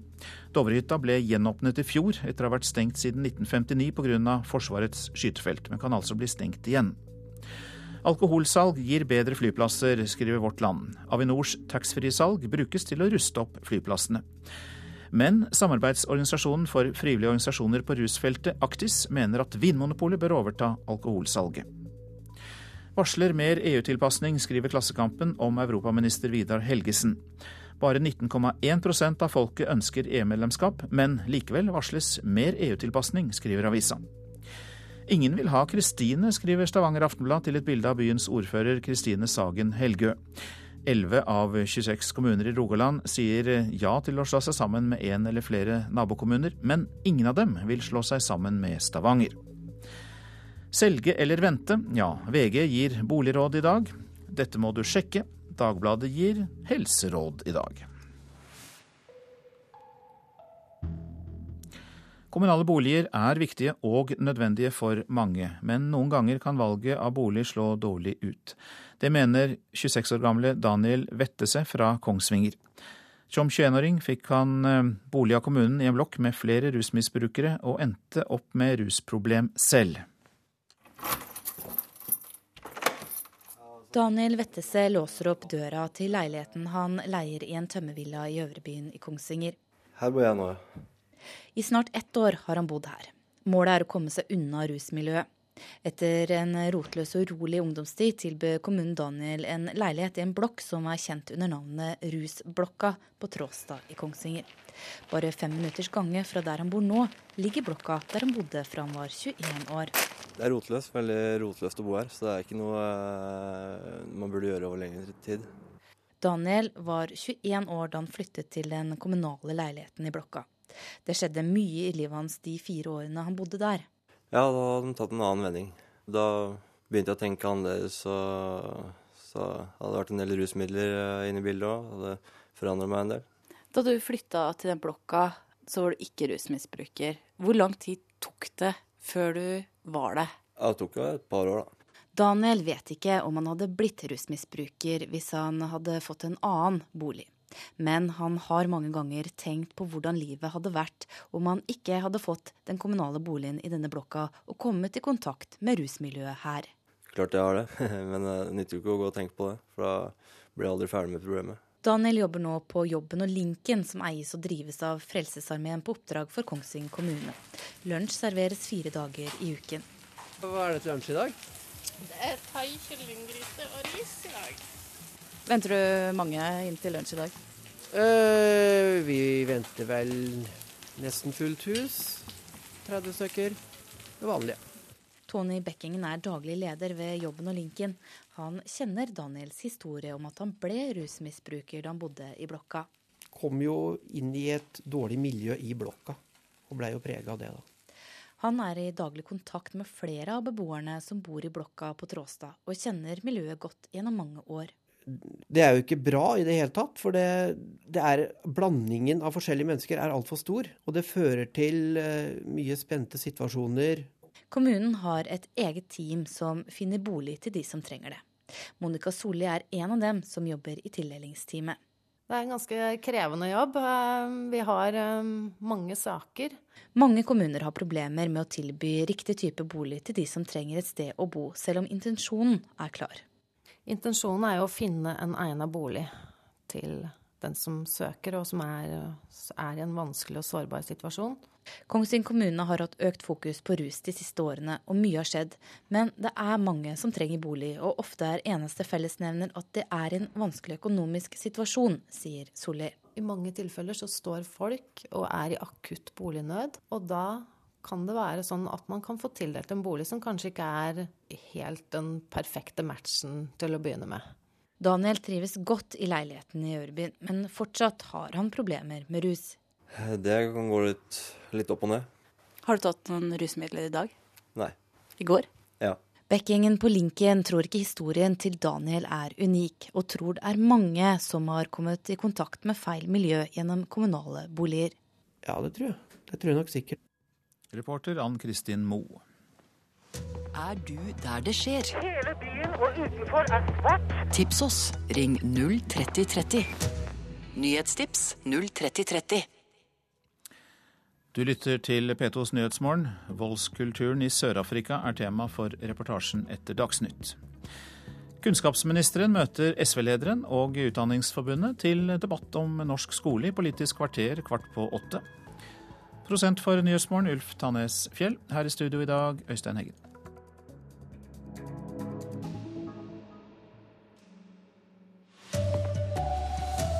Overvåkning mellom venner er uakseptabelt, det mener statsministeren. Overvåkning og terrorforebygging er en viktig del av det vi gjør i verden, men ikke mellom venner. Staten gjør unntak for strenge regler om rullestolbrukere når de selv bygger boliger. Og sammenligninger og rangeringer av skoler er meningsløse. Det mener kunnskapsministeren. Riktig god morgen, her er NRK Dagsnytt klokken 7.30. Det er uakseptabelt at venner spionerer på hverandre, det sier altså statsminister Erna Solberg. Avsløringer om amerikansk overvåkning har fått flere europeiske statsledere til å reagere. Likevel oppfordrer Solberg til en edruelig diskusjon rundt den siste tids avsløringer. Husk at etterretning er tillatt. Det er nemlig nødvendig å, å forhindre at vi har uh, fått terrorangrep eh, mot oss. Men det skal skje innenfor juridiske rammer, innenfor personvernrettslige spørsmål. Og det er det som er viktig å ha høyt med hver gang man uh, samler inn ulike typer data. Flere EU-ledere er i harnisk etter helgens avsløringer i det tyske nyhetsmagasinet Der Spiegel om at Tysklands forbundskansler Angela Merkel kan ha blitt overvåket av USA i mer enn ti år. Samtidig skrev Dagbladet i helgen at journalisten som står bak overvåkingsavsløringene basert på dokumenter fra Edward Snowden, sier at han har dokumenter som viser at Norge ble overvåket av USA. Uavhengig av om dette stemmer, er det viktig at Norge er tydelige i sin reaksjon mot USA, sier tidligere statsminister Kjell Magne Bondevik. Jeg mener at Norge, uavhengig av om norske politiske ledere skulle være avlyttet eller ikke, bør protestere kraftig på det som nå uh, avdekkes. Fordi dette er alvorlig. Vi må støtte og være solidariske med dem som måtte ha vært utsatt for uh, overvåking og avlytting. Statsminister Erna Solberg sier Norge og USA er nære allierte, og at det derfor er viktig at tilliten ikke blir brutt. Overvåkning og terrorforebygging er en viktig del av det vi gjør i verden, men ikke mellom venner. Og tidligere utenriksminister Jonas Gahr Støre mener det er naivt å tro at ikke norske politikere overvåkes av USA eller andre land. Reportere her var Kristine Næss Larsen og Stig Arild Pettersen. Alle disse avsløringene fører til sterke protester fra EU. Utenriksmedarbeider Wenche Eriksen, i dag drar EU-parlamentarikere til Washington. Hvilke krav kommer de til å stille? Ja, De ni medlemmene av EUs EU-parlamentarikernes komité for sivile rettigheter, de kommer rett og slett til å spørre hvor mye og hvorfor når de skal møte amerikanske myndigheter og tjenestemenn fra etterretningen. EU-parlamentet gransker nå følgende i Europa av den omfattende spionasje til NSA, den amerikanske etterretningsorganisasjonen. Og det er viktig å få alle fakta på bordet i denne saken nå, sier lederen for EU-delegasjonen. Så kommer det nye avsløringer i dag fra Spania.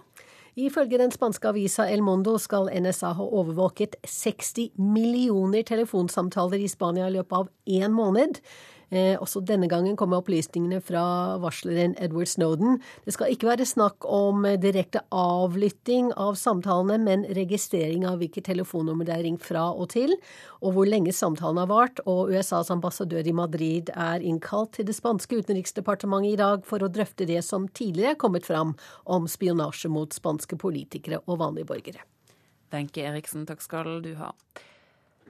Når private bygger små leiligheter som unge ofte kjøper, må alle leilighetene være tilpasset rullestolbrukere. Dette presser prisene opp, men staten gir unntak for bygging av studentboliger, noe de selv tar regningen for. Direktør Per Jæger i Boligprodusentenes forening tror staten innser at kravet er dyrt og unødvendig.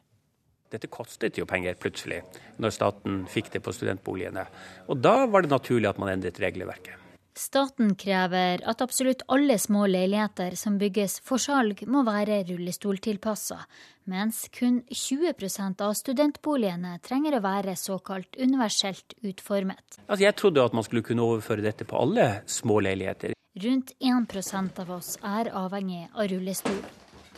Her er det veldig greit å kunne snuse for å ta ut av vaskemaskina, eller for å kunne komme seg lett inn i dusjen. Universell utforming betyr at funksjonshemmede som Birgit Skarstein kan trille inn og snu i alle rom. Men det betyr også at leilighetene blir dyrere, spesielt små blokkleiligheter som unge og de med dårligst råd prøver å kjøpe. Og høy pris rammer også de rullestolbrukerne som forskriften er ment å hjelpe. Men likevel vil ikke Birgit Skarstein, leder i Unge funksjonshemmede, ha noen unntak for å få ned boligprisene. For du kan ikke si at en del av samfunnet skal vi ha plass til at folk kan, ikke kan gå, og en annen del av samfunnet skal vi ikke ha plass til at folk ikke kan gå. Flere boligutviklere sier til NRK at de kan senke prisen dersom de får bygge en andel av de små leilighetene med universell utforming. Men det blir ikke aktuelt, svarer kommunalminister Jan Tore Sanner. Fordi vi skal ha et eh, samfunn og boliger som både er tilpasset funksjonshemmede og en økende andel eldre mennesker. Reportere her var Linda Reinholdsen, Anders Rikstad og Johan B. Settem. I Storbritannia er deler av flytrafikken lammet pga. kraftig uvær. En av de kraftigste stormene på mange år har feid inn over landet i natt. Det er verst i England og i Wales. Enkelte flyavganger til og fra Norge med British Airways er innstilt, men SAS og Norwegian regner med at flytrafikken til og fra London går tilnærmet som normalt utover dagen. Sammenligning av skoleresultater er meningsløst, det mener kunnskapsministeren. Regjeringserklæringen sier at resultater gjennom hele skoleløpet skal kartlegges, og at det skal skje i full åpenhet. Men kunnskapsminister Torbjørn Røe Isaksen vil ikke at folk flest skal kunne sammenligne skoler. Det å lage en liste over sånn de 100 beste skolene i Norge og sånn, det er basert på hvordan disse undersøkelsene er, så er det for alle praktiske formål meningsløst. Han sier han vil det skal være åpent. Det sier regjeringserklæringa også. Der står det full åpenhet om skoleresultat. Men han ser noen dilemmaer ved det målet. Når det gjelder åpenhet, så må vi, må vi, tenke litt på det. For det vi ikke ønsker, det er jo at uh, Presse-Norge skal lage sånne rangeringslister over skoler i Norge. Det gir ingen verdifull informasjon å sitte og lage en liste hvor du sammenligner en skole i Telemark, en skole i Oslo og en skole i Finnmark. Men det er ikke bare media som har laga skolesammenlikninger. Lokallag i kunnskapsministerens eget parti Høyre står bak lokale skoleportaler som f.eks. Romeriksskolen.no og Trondheimsskolen.no. Der er det mulig for hvem som helst å sjekke hvordan skolene skårer på t.d. nasjonale prøver, kartleggingsprøver, karakterer og elevundersøkelser. I valgkampen fortalte NRK Brennpunkt om et slikt prosjekt, og om motstanden mot offentliggjøring, bl.a. fra lærerne. Jeg ser ikke hensikten med offentliggjøring av alle resultat. Og jeg føler at det er litt mistillit til oss som jobber med eleven. Kunnskapsministeren ser i dag ikke for seg at det skal være nasjonale nettportaler av denne typen. Systemet i dag er at for å få resultatet på skolenivå, så må du spørre om det det skal vi se på, vi skal vurdere det. Men, men som sagt, altså, det viktige er at det er offentlig. Men det er ikke noe mål at vi skal gi stoff til meningsløse rangeringslister i riksaviser. Reporter var Håvard Grønli. SV mener Høyre også prøver å snikinnføre karakterer i barneskolen. Bakgrunnen er at regjeringen åpner for at kommuner kan søke om slike forsøk. Derfor vil SV nå forby forsøk med karakterer på barneskolen. Det sier SVs skoletalsmann Torgeir Knag Fylkenes. Jeg frykter da at uh, over halvparten av norske skolene uh, på barnetrinnet kommer til å få snikinnført karakterer, ved at de istedenfor innfører forsøk med karakterer. Der de rød-grønne sa konsekvent nei, sier den nye kunnskapsministeren. Jeg er positiv til forsøk generelt. Forsøk er bare første steget mot å innføre dette. her, og Når vi vet at eh, så mange Høyre-ordførere rundt omkring eh, står klar til å innføre dette, så, så tror jeg nok de fleste vil se at å åpne opp for forsøk det er en snikinnføring av karakterer. SV håper Venstre og KrF vil sikre flertall mot regjeringen. Men kunnskapsminister Røe Isaksen ser ikke for seg noe frislipp. Det kommer an på om det er et reelt forsøk godt opplegg for hvordan man skal forske på det, hvordan man skal bruke resultatene etterpå. altså Hente inn kunnskap om hva som skjer. Så jeg vil ikke avvise det, men jeg kan heller ikke love støtte til en søknad. Reporter Bjørn Myklebust, det blir debatt i Politisk kvarter om eh, drøye fem minutter.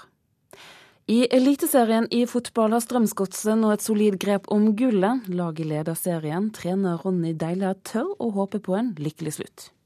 Altså, Eventyr ender jo stort sett godt, da. Han er tilhenger av et godt eventyr, Strømsgodsets trener Ronny Deila, som helst vil ha en lykkelig slutt. Men fortsatt er ingenting avgjort i gullstriden. Så har ikke vunnet prinsessa og halve kongeriket enda. Men det kan fort skje, for drammenserne festa i går virkelig grepet om gullet med seier over start. Kristine Norvik Skeide var reporter. NRK Dagsnytt, Turi Grønbekk.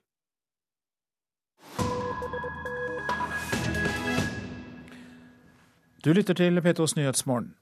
Brutale drap og overgrep er ikke uvanlig i Sør-Afrika, men de siste ukene har landet vært rystet av en historie så brutal at selv hardbarkede sørafrikanere lar seg provosere. De vil ut i gatene og selv hamle opp med gjerningsmennene. Og kampen er i gang, ikke bare for rettferdighet for to små barn som ble voldtatt og drept, men for å ta et skikkelig oppgjør med en utbredt voldskultur. Bildekk brenner, og rasende demonstranter er på marsj mot politistasjonen i townshipet Deepslott i utkanten av Johannesburg. Protestmarsjen går forbi salgsbodene for narkotika. De står tett som hagl, men det er ikke dem den gjelder. For i et stinkende offentlig toalett i Deepslott er to småjenter, kusiner, to og tre år gamle, funnet voldtatt og drept etter å ha vært savnet i flere dager. Fem menn er tatt av politiet, mistenkt for ugjerningen. En har tilstått. Og utenfor politistasjonen krever demonstrantene å få ham utlevert.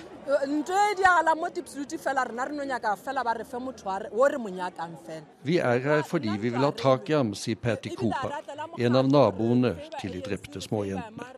Vi er ikke her for å slåss, vi vil bare ha tak i ham. For det er ikke første gang han har gjort dette. Det er tredje gang han har gjort noe slikt. Det har vært omfattende opptøyer i Deep Slott etter at voldtektene og drapene av de to småjentene ble kjent.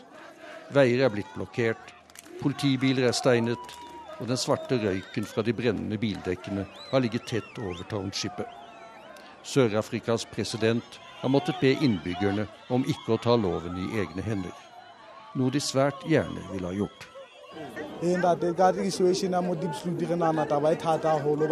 Situasjonen er vanskelig for alle som bor her, sier Taelo Ladi. Som fedre i dette lokalsamfunnet er vi rystet over hva denne mannen har drevet med. Vi har også døtre, så politiet burde overlate ham til oss, sånn at også vi kan få stilt ham noen alvorlige spørsmål. Sorg, sang og gråt. Store skarer følger de to småjentene til graven i Deepslott. Voldtektene, lemlestelsen og drapene av dem har sjokkert hele Sør-Afrika, som ellers har et skyhøyt antall av voldtekter. Nærmere 60 000 blir meldt til politiet hvert år, mens mørketallene, tilfellene som ikke blir meldt, antas å være ti ganger større. Og det er ikke første gang småjenter blir voldtatt. I et land der hiv og aids florerer, har mange menn fått det for seg at de kan bli kvitt sykdommen om de forgriper seg på små barn. For ti år siden rapporterte sørafrikanske medier at en åtte måneder gammel baby var blitt lemlestet og drept etter å ha blitt utsatt for en massevoldtekt av fire hivsmittede menn. Nå vil rettssakene mot de fem mistenkte i Deepslott kaste lys over denne grusomme misforståelsen, som også er utbredt i Zambia, Zimbabwe og Nigeria. I township utenfor Johannesburg håper nå beboerne at de fem vil få den straffen de fortjener. Vi må også være representert under rettssaken, sier Robert Baloy. Vi ønsker å være med, slik at rettferdigheten seirer. Det rapporterte, rapporterte Sør-Afrika-korrespondent Lars Sigurd Sunnala. Du lytter til P2s Nyhetsmorgen. Dette er hovedsaker. Overvåkning mellom venner er uakseptabelt, mener statsministeren. Men Erna Solberg oppfordrer til en edruelig diskusjon rundt den siste tidens avsløringer. Staten har gitt seg selv unntak fra strenge regler om boliger tilpasset rullestolbrukere når de selv bygger studentboliger.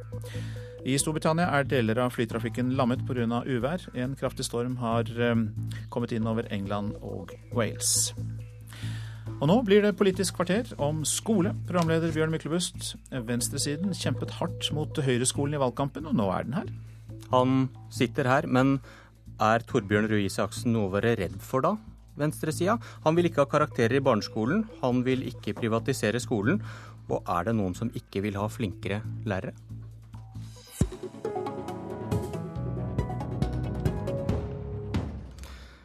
Nå har barna fått høre rød-grønne eventyr om den skumle blå kunnskapsministeren som kan komme og ta dem. Velkommen, kunnskapsminister Torbjørn Røe Isaksen. Tusen takk. Skinnet kan bedra blir kanskje den nye fortellingen som du får høre nå? Uh, ja, altså Nå vet ikke jeg hva slags eventyr folk på venstresida forteller barna sine, men eh, jeg tror ikke de burde bli så veldig skremt av at det kommer en høyreskole. Og det er jo, Bare for å ta bitte litt sånn om de siste åra, så er det jo er det sånn at etter at Høyre satt i regjering sist, så ble det vedtatt et kunnskapsløft som Høyre og Kristin Clemet dytta på for å få igjennom. Det, da var det masse bråk og motstand fra venstresida, men i praksis så har jo det kunnskapsløftet blitt stående og blitt gjennomført. Så er vi der nå hvor eh, norsk skole da har snudd det som var en nedadgående trend. Nå går det opp igjen på de internasjonale undersøkelsene. Det, det, er bra. Det skal også da SV ha sin del av æren for, siden de fortsatte med Kunnskapsløftet. Men samtidig så betyr det at skoleresultatene våre er tilbake på det nivået som skapte ramaskrik i norsk offentlig debatt i 2000. Så Det betyr at vi er, det er mye som er bra, men vi må ha ambisjoner om å bli enda bedre. Men ser du tendenser til du skal ikke tro hva Høyre sier og skriver, også etter valget? At de på en måte prøver å dytte på deg at du er litt farlig? Nei, altså, jo, men Det er jo alltid sånn i den politiske debatten at man forsøker å, eh, å, krangle med sine motstandere eller diskutere med sine motstandere. Så kan man av og til gå dit at man karikerer, men så er det jo også en politisk uenighet. Det er jo ikke noe tvil om det. Selv om vi da har, eh, har sagt at f.eks. en sak som karakterer i femte klasse, det blir det ikke noe av. Det står ikke i plattformen, det er ikke flertall for det på Stortinget. Det kommer ikke til å komme noe forslag om det så lenge jeg er kunnskapsminister. Hvordan kan du si det? Ja, Det kan jeg si fordi jeg er kunnskapsminister. Eh, men, og det men, står ikke i plattformen. Og det er ikke flertall for det på Stortinget. Men da kan du, vel avlyse, sånn. da kan du vel avlyse alle forsøk òg, da? Fordi du ja, uansett ingen ikke kommer til å Nei, for jeg syns at det er noe annet. Og det handler om det, det er en helt prinsipielt grunnleggende eh, ting. Eh, og det er at vi har i alle år hatt en mulighet til kontrollerte tidsavgrensa forsøk i norsk skole. Og så har jeg sagt til alle avisene som har spurt, så har jeg sagt at jeg kan ikke på forhånd avvise at nei, det vil jeg si nei til, og det vil jeg si nei til, og det vil jeg si ja til. For da må man se hvert enkelt forsøk for seg. Og det handler jo om at vi skal få kunnskap om norsk skole, at det skal være lov lokalt å forsøke på forskjellige ting. Men den... Det er ikke en snikinnføring av noe som helst. Så jeg vil bare si, jeg kan bare si nå også at jeg, jeg har ingen intensjoner om å plukke forsøk basert på hva jeg liker politisk. Forsøk skal være fordi at det er reelle forsøk, fordi de kan undersøkes vitenskapelig, sjekkes, kontrolleres, testes, og så skal de være tidsavgrenset. Men før vi slipper til de som anklager deg for snikinnføring her.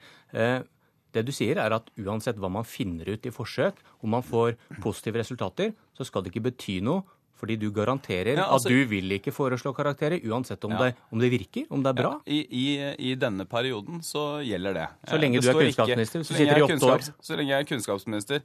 Ja, altså da får vi eventuelt kanskje komme tilbake til det, men poenget er at vi har, okay. noe, vi har, vi har ingen intensjoner om å foreslå karakterer for femte klasse. Jeg stemte også for øvrig mot det på Høyres landsmøte, så det er ikke en sak som er noe viktig for meg, men heller ikke det er en viktig sak i skolen. Det vi skal bruke tida på nå, det er jo uh, lærerløftet vårt. Så skal vi bruke tiden på å få flere til å gjennomføre yrkesfag. Vi skal bruke tida på å få et revitalisert kunnskapsløft, og skoleresultatene våre kan bli enda bedre. Vi skal få tid til noe av det. Eh, velkommen, SV-leder Audun Lysbakken. Fremdeles skremt når det gjelder karakterer i barneskolen, når du hører hva Røe Isaksen sier her? Jeg har aldri skremt med Torbjørn Røe Isaksen. Jeg syns egentlig han er en ganske trivelig fyr. Han er ikke egnet til å skremme noen, men vi har advart mot sider av Høyre sin politikk. Eh, det er noe annet. Det er en ærlig politisk debatt. I valgkampen så snakket Høyre om å innføre karakterer i barneskolen. De snakket om omfattende privatisering. De har eh, tidligere gått inn for omfattende rangering i skolen. Det har vi advart mot. Hvis Høyre ikke vil gjennomføre det, så er det et løftebrudd jeg vil applaudere herfra og fram til neste valg. Men, eh, men når, når, du hører hva han sier om forsøk. Jeg sto og intervjuet deres skoletalsmann i går, som sier at det vil komme en snikinnføring av karakterer. Nettopp. Hva, men nå hører du hva han sier. Ja, min bekymring er følgende. I 2011 så avslo Kristin Halvorsen søknader fra det var vel 47 ulike kommuner, eh, styrt av Høyre, som ønsket forsøk med karakterer i barneskolen. Høyre styrer nesten alle de store kommunene i Norge, og det er klart at hvis Høyre-ordførerne nå, med en Høyre-mann i eh, Kunnskapsdepartementet, bestemmer seg for å søke på nytt, så kan vi i praksis få karakterer i barneskolen for en veldig stor andel av barna eh, i Norge. Og Det er to grunner til at det er dumt. For det første så er det veldig rart å innføre forsøk hvis du ikke har tenkt å eh, gjennomføre endringer. For det andre så vet vi, og dette har vi godt forskningsmessig belegg for, både i Norge og internasjonalt, at karakterer fører ikke til mer læring for så små barn. Eh, det er tvert imot helt andre ting. Følelsen av mestring, det å få god tilbakemelding fra læreren som virker. Og vi har gjort en kjempejobb de neste årene med å styrke vurderingskulturen i norsk skole. Så dette er ett av flere eksempler på at Høyre muligens vil bruke kreftene på feil ting. Og det vil sette norsk skole tilbake. Jeg, er uenig i at, uh, uenig at uh, dette her er uh, altså For det første så vil vi ikke få 47 eller 41 eller noen sånne kommuner som får ja til dette. Det tror jeg ikke vi har nok kapasitet til å ha forsøk på. Altså Dette må være reelle forsøk. Og jeg åpner også for forsøk, f.eks. For hvis noen har lyst til å forsøke å introdusere sidemål tidligere i skoleløpet. Søk om det andre måter å gjøre lokale forskjell på. Søk om det. Vi vil ha en åpen holdning til alt dette. Så mener jeg at det er SV som etter åtte år i Kunnskapsdepartementet, selv om de da fortsatte Kunnskapsløftet som Høyre tok initiativet til, som har brukt tiden sin på det som er mindre viktig. Vi har nå i åtte år gjort mye bra i norsk skole, men helt konsekvent når jeg går gjennom og ser på hva er det SV i departementet har prioritert, så er det ikke de tingene som gjør at barna våre lærer mer på skolen. Det er ikke sånn at frukt og grønt er det viktigste vi kan gjøre for at barna skal lære mer. Det er ikke sånn at en ekstra kulturskoletime i skolefritidsordningen er det som gjør at barna lærer mer. Det er ikke sånn at heldagsskolen, som er det ideologiske målet til SV, gjør at barna lærer mer. Men du, du hører, for å holde, holde, oss til det vi snakket om, da du hører han står fast på at det kan komme en snikinnføring av karakterer med deg som kunnskapsminister. Ja, men, eh, ja, Det må han jo bare fortsette å si. Men dette er altså en forsøksordning. altså Muligheten til å ha lokale forsøk i Norge er noe som alle kunnskapsministre i Norge har sluttet opp om i mange år. Og det er faktisk noe, hvis man ser historisk på det, som SV har vært spesielt begeistret for. For det er nettopp den veldig enhetlige sosialdemokratiske skolen hvor alt skulle styres fra departementet i Oslo. Det var et problem for mange på venstresida, mange av SVs medlemmer, fordi de f.eks. hadde alternative pedagogiske ideer. Og de var avhengig da av å ha en forsøksordning. Så det å angripe, angripe, forsøksordningen i det øyeblikket man har gått ut av regjering etter åtte år, det syns jeg er lite prinsippløst forsøks... og lite gjennomtenkt. Ideen med forsøksordninger er å prøve ut ting du kanskje vil innføre. Når jeg advarer mot dette Isaksen, i Saksen, så er det jo ikke tatt ut av tomme luften. Det er fordi det er veldig mange Høyre-kommuner som har et uh, ønske om å prøve ut dette. Sist ut var skolebyråden i Bergen denne uken. Det er klart at Du kan ikke på den ene siden si at det ikke blir karakterer, og så kan vi kanskje få det for, uh, for skolebarna i en stor by som Bergen. Det er derfor jeg bare ber om en avklaring på det. Hvis du ikke vil ha omfattende forsøk, fint. Vi har tenkt å gi dere muligheten til å klargjøre det. Vi fremmer nå et forslag i Stortinget som skal slå fast at skolen skal være karakterfri, at vi ikke vil ha forsøk. Jo, og Det blir spennende å se om vi får flertall til det. Så, men, det, du sier, men det er en viktig forskjell her. for Det jeg kan, det jeg kan si, er omfattende forsøk. Det, det som er vi trenger en liten runde på historieskrivingen din her. Fordi Sist Høyre styrte skolen, så var det altså et veldig høyt konfliktnivå mellom staten og lærerne. Uh, og det var en start på Kunnskapsløftet som var svært uheldig på, på på mange områder. Det vi har gjort, er å gjennomføre et kunnskapsløft ja, som det var brei politisk enighet om, men med tydelige prioriteringer knyttet til det som har vært viktigst. Flere lærere, flere timer, men også arbeid for en bedre skoledag rundt lærerens undervisning. Og det gir bedre læring. Og du kan ikke komme bort ifra at i våre år ved makten så har resultatet i norsk skole blitt bedre. Og de har spesielt blitt bedre for de elevene som i utgangspunktet stilte svakest. Vi skal ikke bruke for mye tid på å diskutere fortiden, men dere har altså da gått for nå alt dere var mot i 2005, da Høyre satt i regjering. Dere var mot f.eks. opptakskrav til lærerskolen. Vi det var dere mot. Det er dere for nå. Dere var mot nasjonale prøver. Det er dere for nå. Dere var mot at man skulle ha grunnleggende ferdigheter som det viktigste i skolen. At man kan lese, skrive, regne. Det var SV mot. Det er dere for nå. Og det er veldig bra. De nasjonale prøvene som vi har i dag, er noe helt annet enn det Kristin Clemet innførte. Og heldigvis har vi endret på det. Men du, det du nå er i ferd med å gjøre, er å innrømme, og jeg er veldig glad for det, at flere av Høyres fanesaker i valgkampen knyttet til rangering av skoler, knyttet til karakterer i barneskolen, knyttet til privatisering, er uheldig. Ikke vil bidra til læring, ikke vil bidra til en bedre skole. Det syns jeg er veldig bra. Nå er det nok tostemt. På nøytral grunn mellom dere sitter leder i Utdanningsforbundet, Ragnhild Lid, og du snakker for de norske lærerne. Hvem tenker du har rett her? Hvem stoler du på når det gjelder dette med karakterer på barneskolen? For dere er åpenbart mot, men så hører du disse to sitter og diskutere om det blir en snikinnføring eller ikke. Ja, vi har advart mot uh, karakterer i barneskolen. Og vi har også undersøkelser som viser at det, den store hop av lærere, elever og rektorer også er imot dette. Uh, og så er det som Lysbakken sier, vi har også forskning som viser at dette her ikke fører til bedre læring. Tvert imot, særlig for de svakeste elevene. Eh, men, men eh, nå, har jo, eh, nå, har jo, den nye kunnskapsministeren sagt at han ikke vil innføre dette, og det har vi valgt å stole på. Trenger vi forsøk? Forsøk på dette her er ganske komplisert. For å se virkninger av karakterer på barnetrinnet, det tar lang tid. Og forsøk er heller ikke forskning. Så, så vi syns ikke vi trenger forsøk på dette området her. For å avslutte den runden, SV foreslo et forbud mot forsøk. Torbjørn Røe Isaksen, stiller du Venstre og KrF fritt i saken? Altså, Venstre og KrF bestemmer jo selv. Men uh, det, at, det, at, man skal endre en forsøksordning som vi har hatt i norsk skole holdt på å si siden ualminnelige tider, det syns jeg er uh, ugjennomtenkt og lite prinsipielt av SV.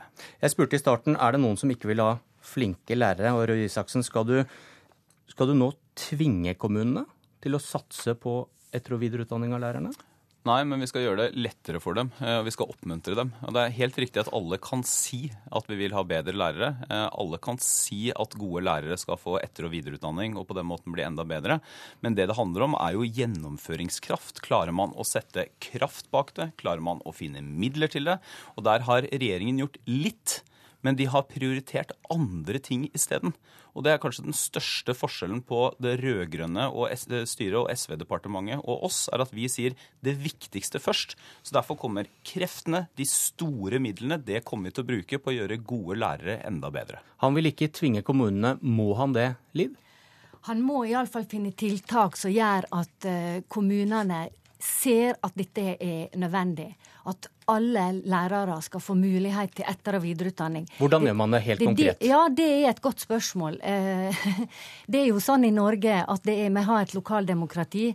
Men når nasjonale politikere står og snakker om denne retten til etter- og videreutdanning på begge sider både på borgerlig side og på uh, sosialistisk side så snakker en om det. Men så opplever altså lærerne ute i Skole-Norge at de ikke får dette. Uh, det er veldig demotiverende. Så nå forventer vi at vi skal finne noen tiltak som gjør at det blir mer forpliktende for kommunene. At mange flere lærere får oppleve å ta del i dette. Er det tiltaket øremerking, Lysbakken? Jeg tror tiltaket kan være en plikt for kommunene til å tilby uh, etter- og videreutdanning. Uh, dette er jo noe som uh, Torbjørn Røe Isaksen vil følge opp, og det mener jeg er bra. som vi har begynt på. Her er dere enige? Dette er det full enighet om i Stortinget. Det er også sånn at Vi reduserte kommunenes finansieringsandel av etter- og videreutdanning fra 40 til 25% Høyre har sagt at de vil gå videre til 20 Det er litt rart at å gå fra 40 til 25 er å gjøre litt, mens å gå fra 25 til 20 er å gjøre mye. Men, men vi vil støtte det. Men det jeg syns er litt trist i debatten i dag, er at, at Høyre snakker bare om etter- og videreutdanning og det de kaller bedre lærere. Og jeg vet ganske mange lærere reagerer på det, for det høres ut som utfordringen i norsk skole ikke at vi har gode nok lærere, men det, det, som vi det burde diskutere, sier, om vi har mange nok lærere.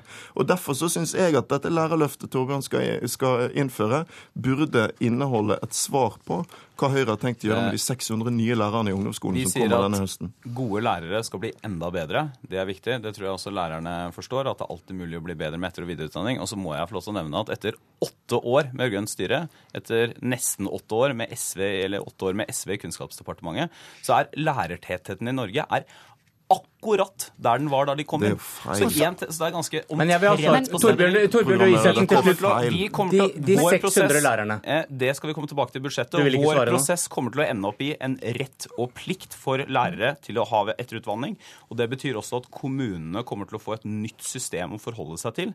For dette blir den store prioriteringen for oss denne perioden. Liv, et lærerløft. Liv tror, du, tror du på bedring? Ja, altså Her er det nødvendig å få til begge deler. Eh, Det er ikke nok med gode lærere hvis ikke en har nok av dem. Men samtidig så vet vi at for å få unge til å søke lærerutdanninga, så er det viktig at de ser muligheter for kvalitetsutvikling gjennom hele yrkesløpet. Takk for debatten. Dette var Politisk kvarter. Jeg heter Bjørn Myklebust. Hør flere podkaster på nrk.no podkast.